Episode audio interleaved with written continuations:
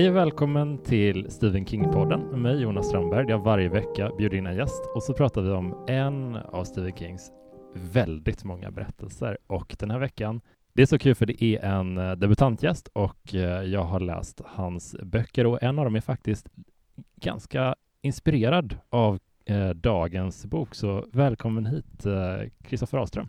Tack så mycket. Tack. Eh, hur är läget med dig? Det är bra. Mm. Det är bra. Så kul att ha dig här. Ja, men det är roligt. Det, Stephen King har haft enorm betydelse ja. eh, för mig som läsare och som författare och ja, i synnerhet om min första bok Barn och unga straffa som, som, vad ska man säga, är ganska impregnerad av temana i boken vi ska prata om idag. Mm. Alltså vägbygge då. Det, just det. King skrev under pseudonymen Richard Bachman. Ja, vad, hur upptäckte du King från första början? Hur ramlade du in i hans värld? Uh, jag upptäckte honom med perfekt timing i livet, det vill säga skarven mellan typ 11, 12, 13, mm. det vill säga liksom när den trygga tiden i livet är över och liksom pubertetens tortyr inleds. Och då blir liksom King en väldigt så viktig ledsagare i livet som liksom kunde så här säga bara men det finns mörka sidor i livet och det är helt okej okay. liksom eh, han har ju själv det, ett citat jag ofta återkommer till som, som brukar tillskrivas honom var att så här, lita inte på någon som hade en lycklig tonårstid. eh, och det har jag så här rabblat som en mantra liksom. Eh, så att under just tonårstiden var jag väldigt flitig kringläsare. Eh, faktum var att den första så man ska säga, vuxenboken jag någonsin läste var just en Richard Bachman-bok, eh, Den flyende mannen. Ah, roligt. Ja, eh, då var det dock så här, eh, det mest kittlande då var väl kanske, då förstår jag inte så här, okej okay, det här är kritik mot liksom gameshow-samhället och göra liksom eh, utsatthet till underhållning, utan jag tyckte mer bara var roligt att han gör ett så här freudianskt associationstest, mm. där liksom psykologen säger ett ord och så ska han svara med ett annat ord och då säger han så här, ja, eh, psykologen säger kniv och då svarar han kuk. Och så här, mm. jag, fy fan vad kul, han ska ha kuk. Ja, så det var liksom mer den nivån. Ja. Eh, men, men sen liksom har Kings sätt att skriva haft otroligt betydande för mig. Liksom, så här, han skriver väldigt, om man brukar säga filmiskt, alltså det är scener, mm. det är liksom inte så mycket liksom inre rörelse utan det är hela tiden scener som, som håller berättelsen igång. Eh, och den allra första om man ska säga skönlitterära texter, man kanske tar i, men, men något slags försök till det som jag lät publicera var faktiskt en jag var med i, jag vet inte om du själv känner till den här, äh, det är liksom en slags, jag vet inte om det fortfarande finns kvar, ett nyhetsbrev slash fanclub som heter Följeslagarna. Ja.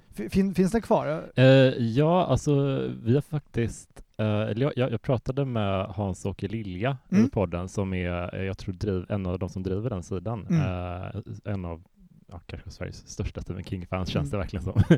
um, så ja, jag tror den sajten finns kvar i alla fall. Eh, och då hade de i alla fall, eh, det måste varit 98, 99 någon gång, en tävling bland mm. liksom, medlemmarna där man ska skriva en novell på vad jag tror var kanske en eller två sidor där det enda man behövde förhålla sig till var att det skulle handla om Randall Flagg, alltså den här oh. ständiga antagonisten i framförallt Dark Tower-böckerna med en Pestens tid. Stort också. Fan av Randall Flagg, eller jag ah, är så ja. fascinerad av honom. Precis, och, eh, och då kom jag tvåa i den tävlingen. Ja, precis. precis. Eh, problemet var att min handlade inte så mycket, det handlade typ om att Randall Flagg går runt på ett så slagfält under ett eh, abstrakt krig och bara mm. typ, fan vad gött det är med krig. Ja. Typ så. Ja. Han njuter av kaoset. Ja, ja men exakt, exakt. Så det var liksom mer en, en väldigt grund karaktärsstudie av den här flaggan, att det hände något Men alltså jag tycker så här, jag har blivit så fixerad vid honom för att varenda gång han nämns eller antyds så är det som att jag bara bzzp, mm. så liksom att man eh, ja, men, gick i kyrkan när jag växte upp och uh, var alltid mycket mer fascinerad av typ, så djävulsboken och ja, men det är ju den bästa såklart. Det är ju men finalen liksom. Ja.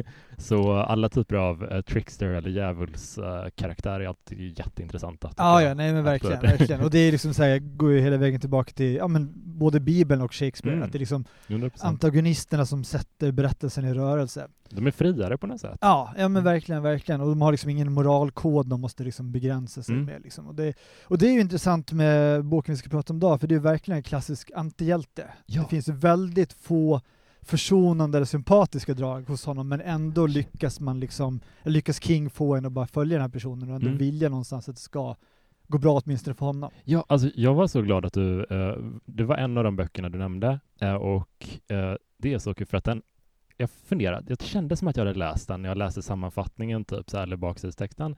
Och sen kom jag på liksom att nej, men jag har nog inte läst den här ändå. Men jag vet att eh, Björn Karlsson som har gästat eh, podden tidigare några gånger, han eh, berättade att det här är hans värsta King-bok. Mm, den han tycker ja. absolut minst om. Så jag hade liksom det var så kluvet när du berättade att du hade influerats väldigt mycket Mm. av den och jag tyckte om väldigt mycket din debutroman eh, som jag också har läst om för det här avsnittet. Och då kände jag bara, vad intressant att två personer som haft så otroligt olika relation till en och samma bok. Mm. Det är jag inte jättevan vid. Nej, men, men som jag har förstått det så är det här en av hans eh, minst älskade böcker. Mm. Eh, och det många klagar på är liksom att det, den är alldeles för stillastående, det händer inte så mycket, att det skulle varit en novell eller det här eh, mittemellanformatet som King behärskar så bra, novella som är liksom Mm. mittemellan, liksom lång, långnovellen.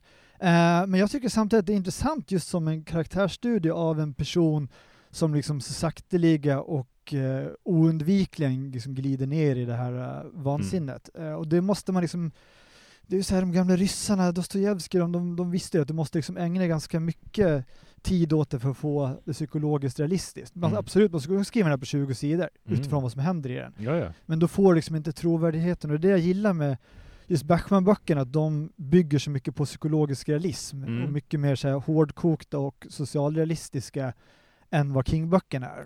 Ja, jag tyckte att jag har läst ett gäng av Backman-böcker genom podden och sådär och har reagerat väldigt mycket på hans sätt att se på människor, att det inte Mm. är så hoppfull människosyn allt, oftast, eh, känner jag i alla fall. Och då, Förlåt, sa du hoppfull? att den inte är så Nej, den hoppfull. nej, precis, den är extremt cynisk. Ja, Ja, ja, så bara, verkligen, det där ja. alla är all, alltid skit, typ. Ja. Eh, men jag reagerade på, på i den här var att jag kände väldigt sympati för huvudkaraktären Mm. faktiskt. Att, eh, för det är ju en person, vill du bara sammanfatta? Liksom, lite Ja, nej men det är precis. Det, huvudpersonen heter Barton Dawes och är Mm. liksom, eh, ja, åren runt 40. Mm. Eh, något slags chefsposition på ett tvätteri, Blue Ribbon-tvätteriet som eh, återkommer i ett par andra King-verk, bland annat den fantastiska The Mangler. Just det. eh, men även, jag tror Carries mamma jobbar på tvätteriet. Ja, det, shit, vad- jag har inte Ehm, tänkt på det. Men ja, precis, förlåt, nu sidospår direkt där. Nej, det är lovely.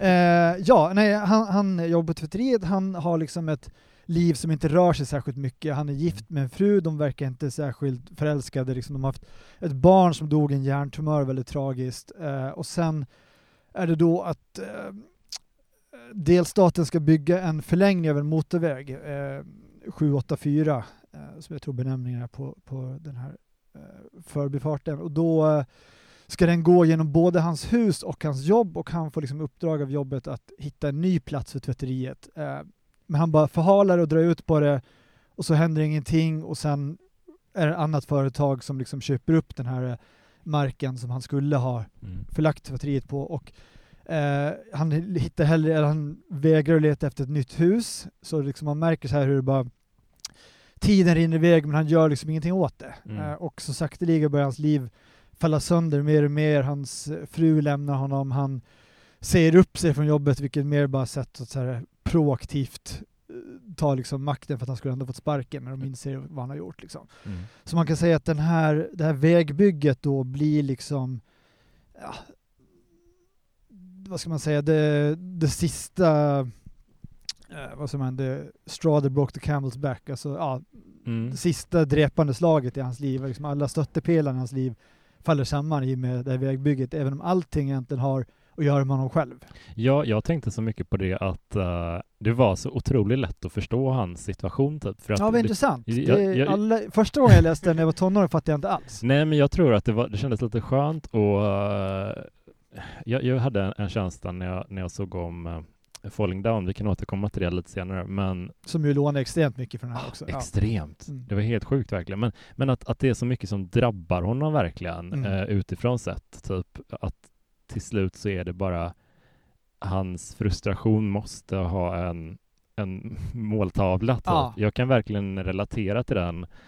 Ja, men känns, att, man kan känna sig eh, i vissa situationer lite maktlös, att man är irriterad, man har haft en dålig period i livet eller sådär och så Mm. bara fuck den här, Mm. ja typ.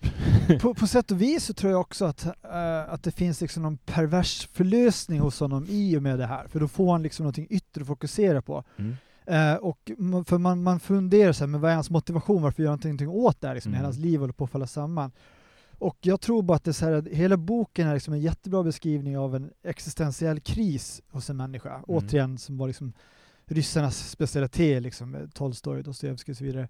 Eh, och eh, då blir liksom det här ursäkten för honom att utlösa den här självdestruktiva impulsen som finns där i, för han är ju också så här i åren runt medelålderskrisen, det pratas extremt mycket om det liksom, både mellan och på raderna. Liksom, Mm. hans, att han sitter fast i livet och liksom, ja, eh, han har liksom någonstans fastnat, eh, inte i nostalgi, men han liksom i bakåtsträvan. Han är Mm. liksom mot allting vad modernitet heter och liksom han, han ser eh, ser sig själv väldigt mycket som en Don Quixote kan man säga, eller mot den här liksom ansiktslösa byråkratin som bara kör över hans liv. Mm. Samtidigt som han, det ger honom också ett syfte som han har Mm. saknat väldigt länge Mm. i sitt liv märker man. Ja men verkligen att, att han ja, men jag tyckte det var så intressant när han började testa att bara inte agera. Mm. Typ, vad händer då? Ja, men Mm. saker rullar på. Och att det på något sätt kanske känns som att han bara, ja men okej, då, om saker ändå bara rullar på, då spelar jag ingen roll, typ. Eh, att, att det är utmattning lite som triggar honom att vara helt inaktiv. Ja men bara se vad som händer. Ja, liksom. typ, och sen med- Hur långt kan det gå? Ja men typ. Mm. Och, och jag tänkte så himla mycket på det för att hur, jag försökte researcha lite innan, hur vet du någonting om kopplingarna mellan Falling Down och den här? För att, Nej, det, det vet jag inte, men det finns ju väldigt tydliga kopplingar. Så Michael Douglas karaktär är en person som har fått sparken från sitt jobb Mm. eh, och bara driver lun- runt liksom planlöst i tillvaron, Mm. trakasserar sin exfru. Mm. Eh, och eh, det är väl så att han låtsas gå till jobbet också va? ja, exakt. Eh, precis. Men, men framförallt det jag känner är liksom de stora, alltså, sen finns det då en scen som är liksom verkligen rakt av ur vägbyggen när de håller på att bygga en motorväg. Mm. Och han säger till dem så här men du behöver inte ens bygga den, gör bara uppfylla liksom, jag vill inte ska få nedskärningar i budgeten Nej. nästa år. Vilket ju precis är vad som avslöjas i boken Vägbygge sen, att det är Just därför det. de bygger den, för att de inte ska få liksom sämre eh, ja, bidrag nästa år för liksom infrastruktur och sånt. För det känns nästan som en filmatisering typ av, med lite fria tyglar, Ja. av roadwork eller vägbygge. Alltså för att jag kände, det, det fanns liksom ingen, ingenstans när jag googlade runt lite grann så fanns det några så här, ja men vi, det var, det var som en hyllning till Stephen King-romanen.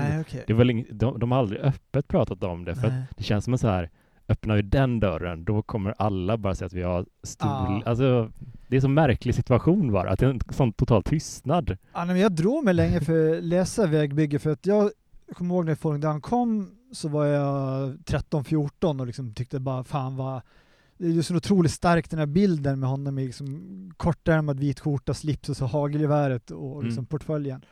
Eh, och jag tyckte den var en otroligt stark otroligt starkt intryck med den filmen, så när jag läste om vad den här handlade om så bara, nej men det är som den här filmen, du behöver inte läsa den liksom. Så Mm. att jag drog mig väldigt länge för det. Men absolut, det finns väldigt och även ä- alltså den här ä, känslan av att vara utsatt och rotlös i samtiden Mm. känns väldigt liksom, starka kopplingar mellan de två verken. Gud, ja. liksom, eh, det återkommer hela tiden tycker jag i boken hur liksom Barton Dawes Ja, men det, han liksom, allting i som kommersialismen och konsumismen, han går runt liksom i snabbköpen eller alla tv-reklam eller underhållningsprogram man ser på tv. Det finns liksom den här hur, hur moderniteten bara avhumaniserar oss och gör Mm. liksom till, till konsumenter. Mm. Den grejen tycker jag återkommer väldigt mycket och det, liksom, det finns ju även i de andra tidiga Bachmann-böckerna som jag älskar. Alltså både, både Maratonmarschen och Den flyende mannen Mm. handlar liksom om hur ja, underhållning handlar om att eh, ja, bara använda människor som ja, Mm. spelpjäser mer eller mindre. Och Mm. liksom hela den här gameshow-kritiken, eh, vilket är lustigt för att premissen för Den flyende mannen blev ju sen det svenska tv-programmet På rymmen Mm. som sen gav oss Jalle och Heavy, som Just en lång händelsekedja där. Eh, och så, så att eh, ja, nej men så, så de kopplingarna absolut, det här liksom Mm. känslan av att vara en liten människa som inte känner sig hemma i samtiden. Mm. Men jag tycker det är så intressant för att när man hört från ja, men, eh, Björn bland annat liksom att den, att den skulle vara så hemsk den här och Förlåt, hemsk, menar han liksom deprimerande eller bara tråkig? nej, alltså han tycker typ bara att det är den, den klart sämsta av Mm. King-romanerna som han har läst typ och han är, han är ganska eh, han har läst de flesta tror jag nästan Ehm, så att eh, jag vet inte riktigt, jag får prata med honom om det Ja, nej, nästa för, gång. för ett par år sedan, jag tror det var typ ganska- 2014, så Mm. gjorde New York Magazine, Mm. deras sajt Vulture, hade så här, de är ju ofta så här, de, de listar typ alla Springsteens låtar i liksom kvalitetsordning. Och då hade de så här alla Stephen King-verk, Mm. eller böckerna då. Eh, och då kom eh, Vägbyggeplats 20. Mm. Eh, och det skulle jag nog säga ändå, ja det är rätt Ja, det tycker jag också är mycket mer, för att jag, Ja. jag tycker den här är så mycket mer eh, empatiskt skriven än Mm. de andra Backman-böckerna, just att man, den är lite, lite svår att komma in i i början, kände jag kanske, Mm. men att det är ett väldigt så här, eh, nästan stream of consciousness, eh, man är i, i huvudet på Mm. huvudpersonen och det, hans tankar snurrar ganska fort tidigt, liksom, och det är Mm. mycket associationer. Um, men efter ett tag så vänjer man sig vid den rytmen i språket typ Mm. och bara det här är okej, det här är, jag behöver inte tänka så mycket på att det här är en King och förvänta mig vissa saker utan det här är något annat kanske.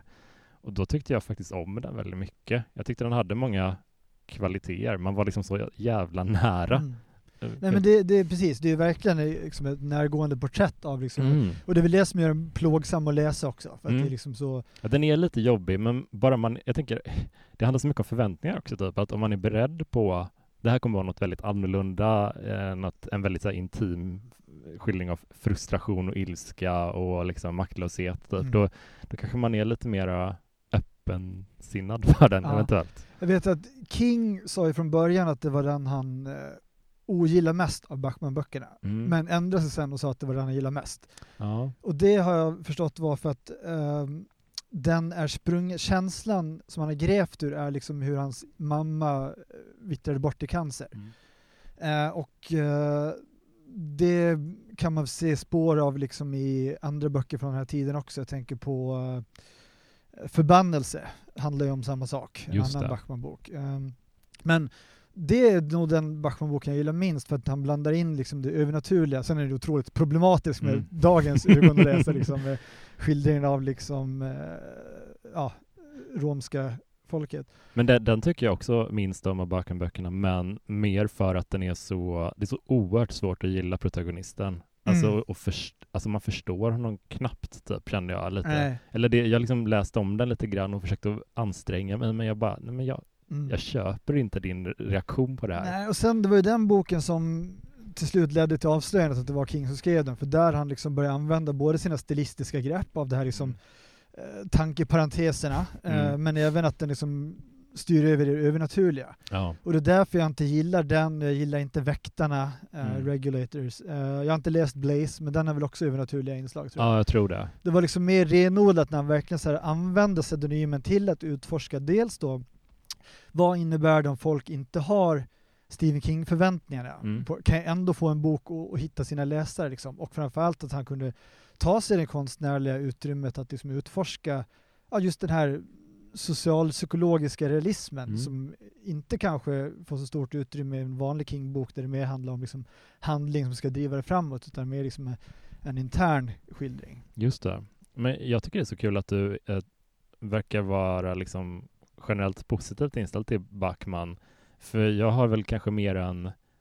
Um, jag s- har väl stört mig på hans människosyn ganska mycket, typ, och känt att det, det kanske är någonting att det känns som att man eh, följer en författare med en personlig kris som pyr liksom Mm. lite. Och jag blir lite stressad av det. Ja, Men det är så känsl- känsligt liksom att man själv eh, ja, det är lustigt börjar, att jag drar kopplingar. det här är nog tredje, fjärde eller femte gången jag läser om den här boken. Jag vet i alla fall att jag kan, jag kan i alla fall peka ut de tre liksom skedena i mitt liv när jag läste den. Mm, Första berätta. var ju då som tonåring. Mm. Eh, då tyckte jag bara att den var, jag gillar den, den var mörk och hård liksom. Som, Mm. som jag försökte göra mig själv som tonåring. Mm. Försökte som göra mig avtrubbad och okänslig och, och cynisk inför omvärlden. Och Det gick jättebra, vilket sen bet mig i arslet senare i livet. Då. Men eh, sen läste jag om den runt 90, det var väl liksom under skrivandet av uh, Bara någon att straffa för att jag visste med mig i bakhuvudet, okej okay, det här handlar, båda böckerna handlar om en person som är fast i det förflutna, som drabbas av en väldigt omvälvande förändring och en personlig kris och hanterar det genom att bli utagerande. Mm. Uh, och jag ska bara infika snabbt bara för de många som inte har läst min bok så handlar det om en person, uh, en ung man vars mamma tar livet av sig och säljer deras familjegård där han har liksom hela sin uppväxt rotad och liksom hela sin känsla av person. Mm. Och då skapas liksom en identitetskris en upplösning av jaget och han bestämmer sig för att slå tillbaka mot hela moderniteten för att utspela sig på Fårö som har blivit en plats där liksom det gamla mer och mer flyttas bort och människor med väldigt mycket pengar är de enda som har råd att köpa. För du är uppvuxen Ja, där. precis. Ja. Exakt, exakt. Så det är helt mm. skildrat ur liksom verkligheten och den samhällsutveckling ja. som bara fortsätter idag. Ännu mer extrem. Jag tycker väldigt mycket om din bok. Jag rekommenderar verkligen lyssnarna att, att läsa den för att jag tycker den är eh, det, jag gillar kontrasten mellan ett extremt så här, poetiskt språk och uh, den här unga mannens ilska mot någonting mm. eh, som man försöker hitta en måltavla till. Ja, alltså jag tycker och, det är en cool kontrast där. Ja, och, och det, det påminner väl ganska mycket om den här boken då. Så då mm. läste jag om den vid 30 och eh, sen läste jag om den nu då och nu tyckte jag nog om den mindre för nu var jag mycket mer känslig. Eh, när jag var ung så var jag mycket mer härdad. Jag vet inte om det här liksom är en utveckling de flesta går igenom, men nu är jag barn själv, så alla stycken med liksom barnet som dör och liksom så här, det är extremt svårt mm. att läsa. Uh, och även liksom man har familjeansvar och man liksom tänker mycket på det här med försörjning och sånt och ser liksom en person som bara släpper taget om allt det där. Mm. Extremt mm. drabbande och jag märker själv i mitt eget skrivande att mina tre första böcker är väldigt deppiga och mörka och att jag nu liksom ja, har svårt att hitta in i det igen och vill mm. inte hitta in i det utan jag vill liksom istället skriva någonting som kan vara lite mer upplyftande utan att det behöver bli feelgood av det. Men att jag liksom värjer mig mycket mer mot det mörka nu och det mm. märkte jag att det drabbar mig hårdare. Kanske också för att jag i ålder ligger mycket närmare Barton Dawes nu. Ja, jag fattar. Och gud vad intressant att du har fått återbesöka den med så här Ja, nej, men det, den har verkligen varit olika upplevelser varje gång. Uh, och det, det finns en scen där mot slutet när uh, Barton Dawes har barrikaderat sig i sitt hem. Med liksom... Vi kan spoilermarkera det här. Ja, förlåt. Ja, nej, det gör ingenting. Ja. Uh, så om man inte har läst den här boken uh, så uh, man har ändå fått en bild, känner jag, mm. av den. om man ändå inte har något emot spoilers så fortsätt jättegärna lyssna. Ja. Så, förlåt. Spoiler, det, det, är egentligen ingen jättespoiler, det är bara en replik men... som, jag, jag tänkte på. Men absolut, det, det slutar med att han barrikaderar sig i sitt hus mm. med jaktgevär och en Magnum 44 och massa sprängmedel. Mm. Och så kommer en, ja, han lyckas då övertala polisen att släppa in en tv-reporter i mm. huset. Och så frågar tv-reportern då, ja, själva knäckfrågan för hela boken, varför gör du det här? Eller vad vill du ha, frågan. För han tror liksom att han vill ha någon så här, ja, en flyktplan eller liksom att det är liksom mm. någon slags förhandlingssituation. Han bara, jag vill bara ha tillbaka åren runt 20 där man kunde ta beslut. Och det är, ja, det är så jävla drabbande. Det, är liksom, Ångest. det är en annan scen där han pratar om känslan av att bli gammal, som verkligen så här, som jag, det citatet hade helt glömt bort, det liksom inte fäst sig hos mig, men här var det verkligen så här att att bli gammal är liksom att köra genom snö som blir djupare och djupare och sen når du en viss ålder där snön har nått upp till navkapseln på bilen, du märker att hjulen bara spinner, de bara sparrar liksom i, i snön och du kommer ingenstans. Mm. Och den känslan är väldigt talande för huvudpersonens mående och agerande men också någonting som man själv kan identifiera sig mycket med. Att så, här, så tidigt i livet är det så mycket som man får gratis mm. utvecklingsmässigt. Så här. Men du, du går i skolan, sen gör du lumpen, sen har du ditt första jobb, ditt första liksom kanske stora relation, mm. man får barn och allt sådär och sen efter det då får man ingenting gratis. Då måste yeah. man själv påverka livet och sätta sitt avtryck och då drabbas ju, jag höll på att säga alla, men många av liksom den här existentiella krisen, 40-årskrisen, 50-årskrisen, medelålderskrisen. Mm. Som ju är liksom en, en drivande faktor i hans beteende här, men kanske inte det allra starkaste, men det är ändå en del av samma existentiella upplösning. Mm. Ja, men jag tyckte det var så intressant eh, också hur hur den är strukturerad hela boken. För att det, varje kapitel är daterat och eh, Precis, det är som en dagbok nästan. Ja, precis. Så, och, och då tänker man liksom så här, ja men lite undermedvetet kanske, men att för den leder närmare och närmare mot en nyårsfest som han liksom ändå, ja men jag kan väl gå på den typ. Och eh, jag tänkte liksom att här, det är här det kommer att Mm. slu- sluta, liksom att det är peak nyår, alltså perfekt liksom. Men så fortsätter den ändå i ytterligare, ja men ett, ett par kapitel ändå, Mm. en bit Ja, in i tre, januari. tre veckor till efter. Ja, och jag tyckte det var så snyggt hur de liksom bygger upp, bygger upp, bygger upp och så bara nej, vänta, Mm. vänta, hold. Eh, så dramaturgiskt tyckte jag det var väldigt snyggt, Mm. typ hur de lurades lite, eller vad man ska säga.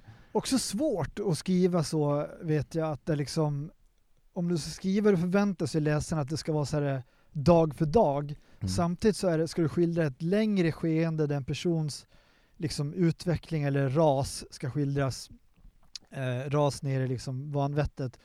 Och då måste det liksom hela tiden hända saker varje dag för att det liksom inte ska kännas stillastående. Samtidigt får det inte hända för mycket för det är ändå någonting som sker varje dag och då känns det liksom inte realistiskt om det hela tiden ska hända liksom extrema saker varje dag. Mm. Så att det är väldigt imponerande hur han har, har löst det. Att det.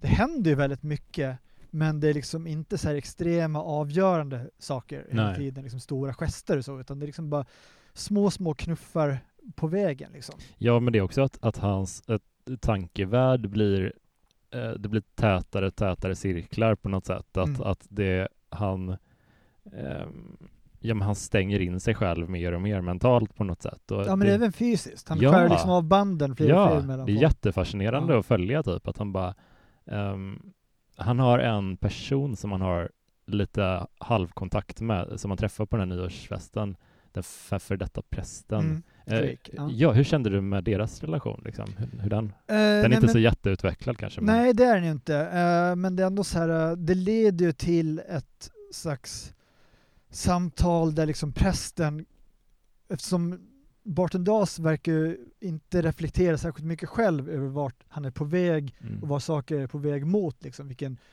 slutgiltigt mål det här kommer innebära. Men prästen inser ju väldigt tidigt att det här är en människa som förmodligen, spoiler ändå, kommer ta livet av sig. Mm. Eh, och det är liksom och då märker man också hur det påverkar Dasan börjar prata mycket om sin själ, vad händer med själ, vad tror du händer med själen efter att vi dör? Mm. Eh, och det här är ju en av få personer som också visar liksom barmhärtighet Mm. mot honom. Alla andra ser han ju som fiender medan prästen är någon som man ändå så här anförtros till. Prästen räddar honom när han har en riktigt dålig tripp på den här liksom nyårsfesten då. Mm.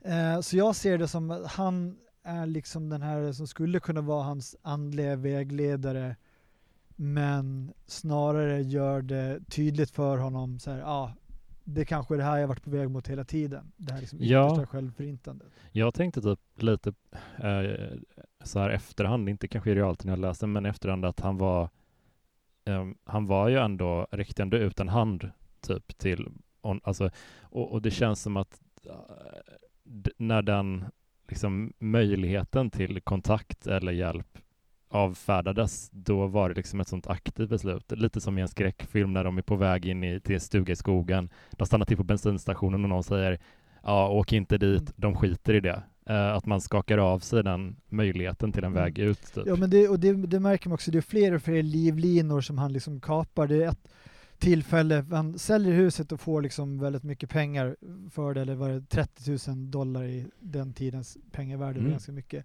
Och han liksom är nära att eh, ringa och beställa en resa och bara resa iväg. Och, men sen bara lägger han ifrån sig luren och bara inser att nej, det var inte det här jag var på väg mot. Jag är liksom på väg mot självförintelse och sen på något sätt så ja, omfamnar han det beslutet Mm. fullt ut. Eh, men det är väldigt intressant just vad du nämner om den inre monologen för det är på många sätt också en dialog Mm. mellan hans två vad ska man säga, röster i huvudet då, eh, George och Fred. Och då tänkte jag så här, vad, vad tänkte du kring det som det var första gången du läste det, det här att han liksom pratar med sig själv i huvudet? Vad Ja. trodde du att det liksom symboliserar? För det får ju en förklaring sen varför de heter som de gör. Ja, rösterna. alltså jag vet inte. Jag tänkte väl typ att han eh, vet- att, att det kändes som ett sätt att ha men, den goda onda på Mm. axeln lite typ att eh, ett sätt att resonera med sig själv kring omständigheterna typ. Men Um, jag tyckte det var intressant. Det var ganska dynamiskt typ i, i det, det blir lite roligare, intressantare att följa honom då när det, det, det är ett jättesmart röster. sätt att skildra liksom, för att annars blir det verkligen bara att du är i skallen på någon. Ja, exakt. Men om du gestaltar som att det är två personer, ja. samtidigt så ser jag, jag vet inte om du sett det, men eh, han eh, Andy Muschietti som gjorde det filmatiseringen Ja. har ju filmrätten till den här. Okej. Och det Mm. skulle vara så himla lätt att bara på något klumpigt sätt göra det här till någonting som tangerar schizofreni, där liksom en person Ah, pratar med sig själv och går runt och mumlar för sig själv. Nej, jag hoppas inte. Nej, men verkligen, det finns så många sätt som det här skulle kunna gå fel på en sån här filmatisering. Men jag tycker den är så illustrerar manlighet på ett sånt eh, intressant sätt. Just att om man kollar på hur den här eh, berättelsen börjar, det, det skulle, om man skriver om det lite, kunna vara inledningen till en It's Pray Love, eh, en ganska feelgoodig uh, Julia Roberts-film kanske. Vänta, den ser jag inte alls. Nej men så här, Okej, typ att, ja, men hon, hon kanske så här, eh, inte, inte För den börjar med att han köper två vapen. Ja, inte- minus det. Men jag Ja. tänker så här, du vet att, att, att man kanske får sparken Mm. från sitt jobb, alla liksom, man kanske blir lämnad av sin man, eh, man har dålig relation med Ja, ja. kidsen. All, feelgood börjar så börjar alltid så jävla Livskris beckmörkt. Ja, ja, liksom. just. Hon bara, "Ja, men jag sticker till Indien istället och lever, startar Get ett nytt liv. Ja. ja men så kände jag. Och så är det så intressant att se bara hur, nej, det kan ta så jävla Mm. olika vägar om man hamnar i en livskris. Och jag upplevde det att det här är ännu ett intressant mansporträtt som King är jättebra på tycker jag. Han, jag läste precis klart eh, Gröna milen Mm. och känner att bara där på bland eh, personalen på fängelset och de intagna så har man liksom så ett sånt otroligt rikt spektrum av olika män som ändå fungerar någon sorts symbios med varandra. Mm. Um, så ja, det här, det här var någon, ett porträtt som jag inte har sett tidigare bara. Nej, Det nej kändes men det nytt. är väldigt bra skildring av liksom den det här ja, arga amerikanska mannen som är besviken på liksom vad, ja, vad landet lovade. Den utspelar sig också, ska vi säga, 73-74. Mm. Liksom det är en väldigt tumultartad tid i USA. Liksom du har Vietnamkriget nämns Mm. ganska mycket, du har energikrisen. Mm. Eh, Det är till och med så, jag såg något omslag där den säljs in som så här, eh, en roman om den första energikrisen Mm. på omslaget. Wow, vad lockande. Ja, verkligen. Eh, med, och liksom även eh, ja, med, med liksom, attentaten mot Martin Luther King, Mm. Bobby Kennedy, JFK inte minst som han ju Mm. återkommer till i 11.22.63. Um, och, och liksom en besvikelse över vad, vad som hände med landet, den amerikanska drömmen och allt man, man tror på. Känns det Mm. verkligen som att Barton Dawes får gestalta på något sätt. Ja men verkligen. Och just det, Watergate-skandalen återkommer Ja, just det. Ja. Och jag tänkte så mycket på hur han eh, han är lite som en person som precis har blivit troende eller hamnat, hittat en ny livsåskådning typ. Ja, Att, men radikalisering. ja, ja, men typ så här, att när han börjar träffa sin gamla kollega typ där på eh, inför jul, julhandeln Mm. och som ändå känner sig, verkar väl glad och har fått en ny, liksom, driver lite biografer och har nytt liv och, och då börjar Barton, han liksom börjar bryta ner honom och säger att ditt jobb är meningslöst och Mm. du är bara en, en spelpjäs för dem och sådär. Mm.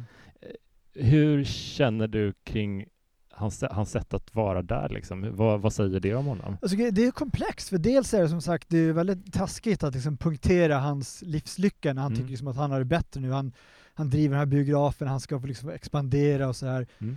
Samtidigt så verkar han ju känna en genuin oro för uh, Vinnie Mason, som jag tror han heter, Mm. den här unga killen. Och även i ett, i ett samtal på slutet med, med chefen så säger han bara, men ni har ju bara lurat honom. Han tror liksom att han, är, han liksom är entreprenör nu, men, Mm. men ni har bara gett han en skit. Han, han gör en bra liknelse att ni har liksom knutit en död höna runt hans hals och han tror att det är mat men han känner inte att den har börjat ruttna. Det tycker jag är väldigt bra. Det är många bra Mm. sådana liknelser i den här boken tycker jag som King är väldigt bra på, på just gestalta så. Ja, Eh, förutom kanske, det finns ska, ska vi prata lite om Olivia snabbt bara? jättegärna. Det är ju då den här eh, utbrända hippietjejen som ska lyfta till Las Vegas som han plockar upp längs vägen som också blir ett sätt att reflektera hans liksom, nedåtgående spiral. Mm. Det, jag vet inte, först tänkte jag så här, fan det här är inte ett bra kvinnoporträtt för det är Mm. det enda de pratar om är att knulla hela tiden. Mm. liksom. Men sen inser man också hur extremt trasig den här människan är Mm. och liksom vilken skavd själ hon är och att sex har liksom blivit hennes enda sätt på något sätt att hävda sig eller känna ett värde eller liksom knappt det, ett sätt att bara liksom bryta, ja, bryta monotonin. Eh, men, men då finns det, apropå liknelse då, så finns det en liknelse som är så jävla hemsk. Som, som verkligen skulle, det finns ett pris som delas ut i England för här, årets sämsta sexskildring. Mm. Och då är det så här, får man säga könsord i den här podden? Ja, det ah, går ja, ja, eh, Nej men så här att när, när de knullar och han drar ut kuken ur henne så är det med ljudet som man drar ur en champagnekork ur en flaska. Och jag bara, nej, det, det, så har det aldrig låtit. Alltså jag har inte kunnat sluta tänka på det ljudet, Nej, som det är när man öppnar lite bubbel. Det är så här, först man tänker så här, hur välhängt är Stephen King? Ja. Det här liksom är någonting som han har hämtat sitt eget liv, men det är så här, nej, här har du bara helt missat metaforen. Så här, det är, Ja, det var, det var väldigt roligt. Mm. Alltså, men jag tycker överlag att hon är en, också på något sätt eh, någonting som krokar fast honom lite i mänskligheten. Mm. Alltså det sis- en av de sista grejerna typ. Att hon med ganska lite utrymme, sid, om man räknar till sidor, så, så är hon ändå ganska väl gestaltad typ. mm. Nej men verkligen, verkligen. Faktiskt. Eh, och, det, och det är också så här, eh, så funderar jag också på så här som man säkert gör med, med samtidens ögon, bara huruvida han är gubbsjuk, för att han så här, Mm. ligger med mycket yngre tjejer och han pratar om hur hennes bröst kändes på ett sätt som hans fru inte har känts på Mm. väldigt länge. Och så här. Men jag vet inte, det är väl också så här, eh, en gestaltning av den här manstypen som är fast i det förflutna och Ja. liksom inte kan släppa taget om det. Och det, det är mycket det det handlar om, det är hans hus som ska rivas, det är liksom blivit en symbol som har fått mycket större värde än vad det kanske har egentligen. För Mm. honom har det fått sånt affektionsvärde att han pratar om att att riva det här huset innebär att begrava hans son en andra gång för det var där liksom Mm. han föddes och han växte upp och sådär. Liksom. Det får liksom Nej, men jag kan också tycka att det finns en sån, eh, ett sätt, ytterligare ett sätt som man kan förstå honom på är liksom hur eh, han har kontakt med myndigheterna kring det där, den här flytten då och hur de utgår verkligen från att det är klart att du kommer flytta. Mm. De, de liksom erbjuder honom inte, de erbjuder honom en deal, men det är också eh, att de utgår från att du- han kommer ta den. Att ja, vi är jättegenerösa. Det är Mm. klart att du, de har liksom ingen noll förståelse för att liksom den här personen har en historia här. Det finns kopplingar Mm. till den här platsen. Nej, och det är liksom återigen det temat som vi var inne på med liksom eh, pengar som det främsta värdet Mm. i livet och liksom just kommersialismen och kapitalismen och konsumismen. Jag var väldigt så här sugen på att placera in den här tidsmässigt. Den kom ju då 81 Mm. och då tänkte jag så här, okej den utspelar sig förvisso 73-74 men den kanske försöker säga någonting om liksom Reagan-erans liksom besatthet av framgång och pengar. Men så var det så här, ja, Reagan tillträdde 81 Mm. så det är väl kanske lite eh, djärvt att försöka bända in den i sån kontext. Men det var ändå den känslan jag fick att så här, det här landet är på väg mot en era av liksom ytlighet och liksom, ja, eh, greed is good mentalitet. Mm. Eh, som han kanske var lite profetisk med. Eller så fanns de tendenser väldigt tydligt i samhället och Reagan och visste hur man skulle tappa in i det för att få framgång. Liksom. Men det är så intressant det du säger, för att om man jämför med Förbannelse eller Thinner som skrevs i ganska nära anslutning tidsmässigt, den är ju det är ju en skräckroman, typ. det är en läskig bok och så um, finns det en bok som kom ut 2018 tror jag, som också handlar om en man som rasar oförklarligt i vikt. Uh, Elevation, jag tycker jättemycket om den. Men den är inte alls så mörk, den är jättehoppfull och det, det, är liksom, det är en katalysator för något positiva saker som händer i hans liv. Den här plötsliga viktraset. Mm. Det är inte alls deppigt på det sättet. Nej. Så sa, nästan samma sak händer, två olika tidsperioder, Ja. men upplevs på helt olika sätt. Ja, men kanske är det det som, som drabbar vissa personer, inklusive mig då, att man blir mer blödig med Mm. åren. Och, liksom, och som sagt, Bachmann, pseudonymen var ett sätt för honom att utforska liksom mörkare sidor och liksom mörkare slut, inte minst. Mm. Eh, och det har också gjort att åtminstone två av Bachmann-romanerna har ju liksom förbjudits. Eh, raseri, Mm. eh, Rage och Flyende mannen just för att säga, men raseri handlar om skolskjutningar. Mm.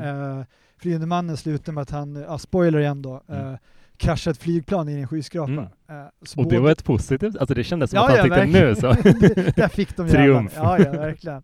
Hela den slutscenen är otrolig, han går liksom med tarmarna dinglande ur magsäcken ja, den är... fastnar överallt i planet. Så är det fantastiskt. Nej, det var, Ja, det- som sagt, det var min första King-bok och min första vuxenbok. Och jävlar alltså vad den har levt Mm. med mig länge. Efter. De här eh, kassetterna som man måste posta ja, jag postade, verkligen, verkligen. Den är mysig. Ja. Så jag tycker att det var strångt om liksom det här, förvisso då att barnet får en, en hjärntumör och dör väldigt ung, men att använda sin mammas borttynande i cancer för att liksom hitta känslor. Så att idag tror jag att många författare med liksom det här kravet på autenticitet och liksom verklighetshunger som finns, hade bara skrivit rakt av om en mamma som Mm.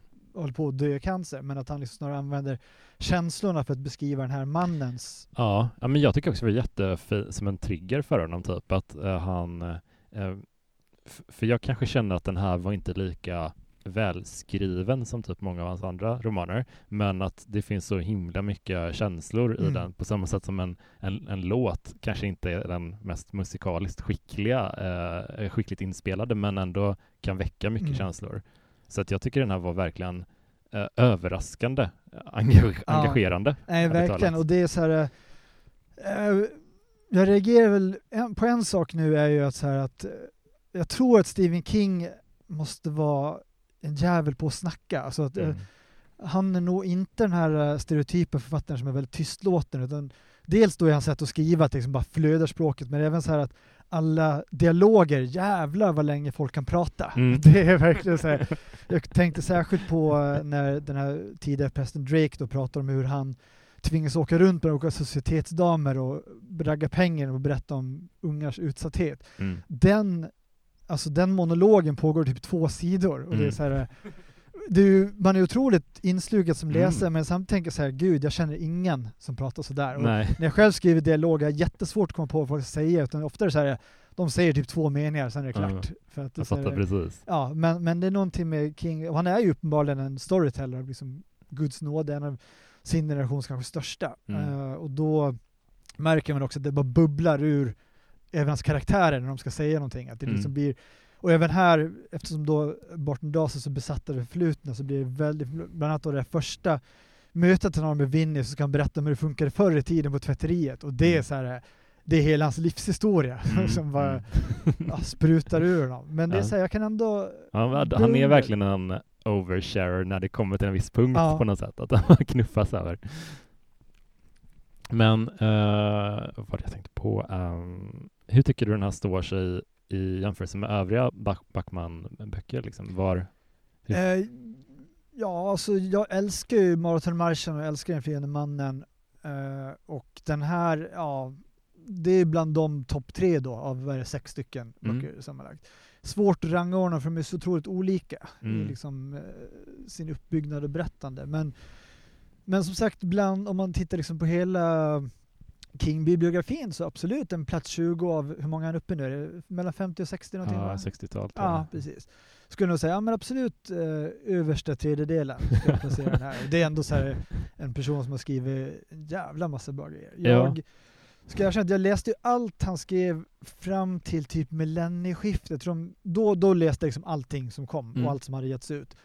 Men det var typ så här Hjärtan i Atlantis, Flickan som älskar Tom Gordon, uh, Benrangel, där eh, Droppar du av? Ja, där droppade jag av. Sen läste jag eh, Elvers 263 och tyckte den var fantastisk eh, när den kom. Men annars är jag liksom inte, så att, eh, det tycker jag är intressant med den här podden för jag får liksom ja, upptäcka sånt som jag har Mm.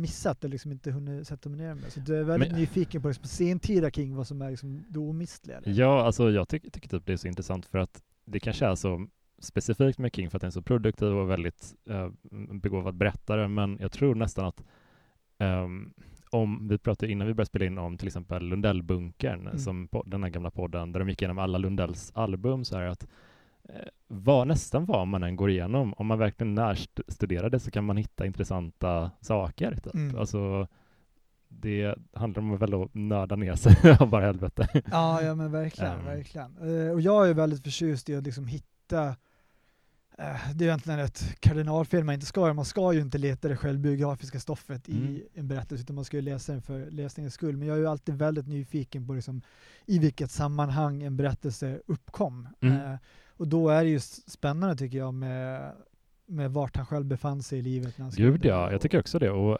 jag tycker en, en återkommande grej kring Kings senare böcker som jag lyfter några gånger i podden är att han på senare år lite har börjat remixa sig själv på ett positivt sätt. Ja. Om man jämför till exempel Eldfödd här, som jag har framför oss på bordet och Institutet som också ligger där. Just det. Det är, de är ganska besläktade och Institutet tycker jag är fullständigt överlägsen. Att den är, det är en annan, eh, vet, annat tempo och han liksom Ja. behärskar liksom alla trådar som parallellkörs. Det är otroligt snyggt. Hur det åter, han återbesöker så här 30 år senare samma kärna av berättelsen och bara men med all erfarenhet han byggt upp liksom. Ja, ja nej, men det är ju så, och även så här många av berättelserna verkar vara sånt som inte har publicerats tidigare, så man bara Mm. hittar så här gamla manus och skriver om dem Mm. och liksom hittar in i, i det där igen. Alltså. Det, Det, det finns en trygghet man Ja, liksom, ja. eh, när man läser hans... Men, så- men man brukar säga så här att författare fram till 75 års ålder orkar de vara nyskapande, sen bara kommer de att traggla samma gamla teman. Jag menar vissa författare skriver bara samma bok om och om igen. mm. Eh, Det sades ju till och med om P.O. Enquist att han skrev bara vad han kunde se från liksom utedasset i Joggböle. eh, och det var ändå fantastiska böcker så det är liksom Mm. inget, inget fel i det. Men eh, det är ändå stort med King tycker jag att han liksom hittar hela tiden nya teman att utforska. Även Ja. om det liksom kan gå hitta saker som återkommer så är det ändå otrolig bredd i hans berättande. Och då tycker Ja. jag särskilt imponerar med den här boken att han kan liksom gå in och så nära gestalta en sån person som kanske inte alls har särskilt mycket gemensamt med honom själv. Men Mm. det är verkligen så här tecknet på en stor berättare att liksom det finns inga begränsningar utifrån vad man själv varit med om eller upplevt. Man kan ändå hitta in i en sanning och beskriva den så att den blir övertygande. Ja, men väldigt fint eh, sagt. Jag tror verkligen att det, det ligger mycket i det och att han heller inte har glömt bort alla erfarenheter i, han plockat på sig genom livet. Att han har inte glömt det att vara en outsider fast han är jätterik Mm. och liksom gift sedan många år, har barn som ja, men han ser att det går bra för. Mm. Och han har ju ändå någonstans lätt kunnat falla tillbaka i en nöjdhet kring sin Ja, men tillvaro. verkligen. Men nu bara, nej, nej, Nej, ska... och liksom att han också behåller det jävla besinningslösa tempot. Ja, det är, så otroligt, imponerande. Ja, verkligen har den uthålligheten. För jag, det är någonting jag funderar mycket på när jag själv skriver. För att jag så här, märker liksom redan att så här, min hjärna börjar bli trött efter fyra timmars skrivande. Mm. Det är så här, ja men nu måste jag pusha på så jag kommer upp i typ mellan sex och åtta timmars arbetsdag. Men det är Mm. liksom, jag orkar inte. Så jag, Är det så du, du, när du skriver en ny roman, liksom, att du jobbar på ja, det sättet? för att jag, som jag livnär mig till vardags som journalist på DN så måste jag ta tjänstledigt för att skriva och då måste jag verkligen maximera den tiden jag har och då blir Mm. det verkligen så här ett arbetspass. Mm. Att sitta ner och liksom, det finns väldigt lite njutning i det utan det är mer så här bara, nu är det dags att bara Klocka in. Ja, nu är det dags att klocka in och nu ska jag få ur mig så här många tusen tecken på den här tiden och nu Mm. har jag inte tid att känna efter utan jag får bara sätta mig och börja hamra. Men det är min favorittyp av skrivande som Mm. jag, när man hör, ja men det, det är som ett, det är ett, det är ett arbete. Ja, ja, nej, det, det är framförallt ett fysiskt arbete. Jävlar vad kroppen tar stryk och liksom man, eh, man bara är helt så här, fysiskt utmattad. Så ofta har jag så här, svettas alltså fysiskt av det och det är ja, väldigt obehagligt men, men man förbränner nog jävla massa kalorier. För kroppen är så på helspänn. det är första gången jag har hört. Ja nej men det är liksom, det är en så jävla, det är som att säga deathkur att skriva. Det, Mm. bara, det bara rinner av en på något sätt. Det, Men- för, för mig i alla fall, jag önskar att det inte var så. Jag önskar att det bara flödade som vatten och att allting kom liksom naturligt. Men det är bara pressa, pressa, pressa. Men, men kan du, jag förstår att det är väldigt tidigt, men kan du berätta någonting om din kommande roman? Jaha, ja, det, absolut. Den eh, också på sätt och vis kan man väl säga knyter an till den här för det handlar om mansrollen. Mm. Eh, eh, satt då kanske mer i den här moderna kontexten nu när mansrollen är så otroligt under liksom, ja, förhandling vad det ska innebära att vara man. Ska liksom, det funkar inte så bra med 40-talistmannen som var liksom Mm. Känsloavstängd och liksom fåordig men det har kanske inte funkat superbra med den jättemjuka mannen som inte är handlingskraftig och liksom inte så händig och så heller. Mm. Och liksom vilken väg ska det ta? Går det att hitta liksom någon slags alkemisk blandning av de där två? Så det handlar helt enkelt om en, ja, en, en man som är vilsen i sin roll, särskilt efter att han blivit pappa och sen eh, blir han väldigt isolerad under sin pappaledighet, vilket man blir, Mm. och eh, kommer då i kontakt med en person som har väldigt tydliga idéer av vad en man ska vara. Mm. Eh, och man kan väl säga att det är någon slags eh, radikaliseringsprocess. Gud vad kul! Ja, nej, så det, det hoppas jag i alla fall kunna få färdigt någon gång i framtiden. Gud, jag ser jättemycket fram emot att Mm. läsa den. Ehm, Så bara, Ja. bara, vi behöver kanske bli lite färdiga, men vi bara prata lite om eh, omslagen först till Ja. den här boken. Det finns ju väldigt många varianter. Första jag hade var ju Legendas, den här, då var det liksom en gul vägskylt med en dödskalle på, en svart dödskalle. Just det, ja. Ja. Men den tycker jag ändå har Ja, någonting, ja men lite absolut. Den är kitschig. liksom minimalistisk men, men Mm. ändå, den har någonting liksom. Eh, och sen köpte jag en... eh, Har du sett Rutger Hauer-omslaget? Eller jag, jag kallade bara det. Där, där han, det står en man som ser lite ut som liftaren typ.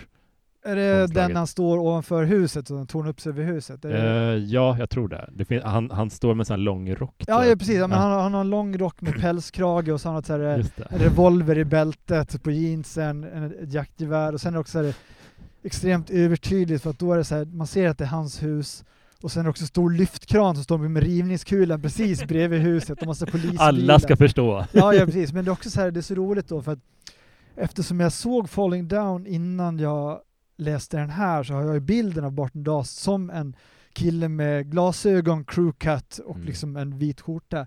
Men det här omslaget som du pratar om sen ut som typ Gregory Peck eller någon Ja, sån så gammal klassisk filmhjälte med fyrkantig haka och tjockt fylligt hår och Mm. liksom.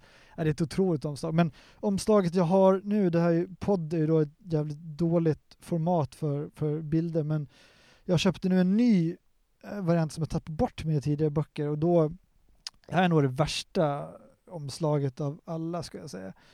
Eh, då är det liksom att han, man ser en person bakifrån, Mhm. eh, om du ser längst, snett längst upp till höger där. Oj. Man, det är liksom li, nästan lite så här en man som heter Ove perspektivet, en man Mhm. bakifrån och sen liksom så här, håller han i en pistol och det är kulhål i en vägskylt. Och liksom, Alltså ja. ja, och den är verkligen, det ser lite ut som eh, ja, så här revolverman på väg in i en western Ja, stad. exakt. Det är verkligen så en uppgörelse med staden, vilket i och för sig är liksom en, en Ja. passande symbolik, men det är bara helt fel för det här ser verkligen ut som att den här killen kom in för att skjuta upp allting. Ja. Han, det är liksom, ja, som du säger, det är liksom Bruce Willis i Last Man ja, det är en helt annan vibb. Ja, ja men verkligen, verkligen. Men det, det, bara för att återknyta till, jag har ju nämnt de här gamla ryssarna, det finns också någonting väldigt så här litteraturteoretiskt talande med bokens introduktion, eller är liksom första scenen, att han går in för att köpa ett gevär, för det är Mm. det klassiska han pratar om, Tjechovs gevär, det vill säga presenterar du ett vapen i akt 1 så måste det avfyras i akt 3. Det är det. liksom så dramaturgin ser ut och det är verkligen exakt det som händer. I, i inledningen köper han geväret, i slutscenen använder han det. Men jag tycker det är en grej som ankrar berättelsen jättebra, för att ibland så flyter man in lite i hans skalle och då undrar man vad är det här på väg? Kan Mm. det inte... Men så kommer man alltid ihåg den där liksom planteringen i början. Mm. Jag tycker det, det är, han är väldigt bra på att sätta så här bokstöd. Ja. Liksom. Ja men precis, och det, är även, det finns ju även ytterligare bokstöd då. Eh, Du har ju liksom en, en prolog och en epilog Mm. som berättas mycket mer utifrån. Mm. Och i prologen så är det då ett tv-team som är där för ett inslag om den nya eh, ja, motorvägen. Och Mm. han är de då mannen på gatan intervjun de gör. Just det. Eh, och han säger liksom att det här är bara skit, vad gör Mm. de det här för? Och så märker man att han, han kommer bli bortklippt, han fattar inte varför. Mm. Och att det även slutar då med liksom ett annat tv-teams inslag av liksom hans ja, sista strid i huset. Så. det. så det är också väldigt snyggt liksom konceptuellt hur han får ihop Ja men så. det är rätt skönt för att han är väldigt bra på att vara lite, andlig eller liksom eh, gå in i folks tankar och känslor och sådär. Men samtidigt grunda det på ett bra sätt. Mm. Utan att det, att det blir aldrig för flummigt eller för flytande. Nej. Typ. Det är väl ganska lätt att greppa den här berättelsen. Ja, nej men verkligen. Även om det tycker jag är intressant att han aldrig säger rakt ut varför han gör det. Alla frågar hela tiden men varför gör du det här? Och han har liksom inget Mm. bra svar. Men som, som läsare får man själv ja, men göra den här tolkningen som du har gjort, uppenbarligen ganska lika då. Liksom, att det är nästan längtan efter eh, självdestruktivitet Mm. som äntligen får utlopp i den här frustrerande mannen eh, som inte har någonstans att ta vägen. Just det, ja. Han borde åkt till Indien istället. Ehm, men alltså, så kul att ha med dig och prata Ja, om den här boken. jättemysigt, Jag verkligen. älskar hur eh, man märker att du ändå har mycket känslor kring eh, den här boken. Jag tycker det är underbart. ja, ja nej, Eh, men det har jag verkligen. Det. Den har följt med genom livet som sagt. Så kul. Eh, och jag tycker det, det är kul när vi lyfter böcker som är delar King-fandom lite, så att man får gärna hoppa in i Facebookgruppen och diskutera den här och uttrycka alla sina åsikter. Särskilt Björn som jag har, inte baktalat, men jag har fört hans talan i den här, det här avsnittet. Men eh, Du är jättevälkommen tillbaka någon Kristoffer. Ja, Om men du gärna, kom på någon bok gärna. som vi vill snacka om så Ja. eh, tack för att du har lyssnat på den här podden. Tack för att du har gästat. Eh, vi hörs snart igen. Hej då! Hej.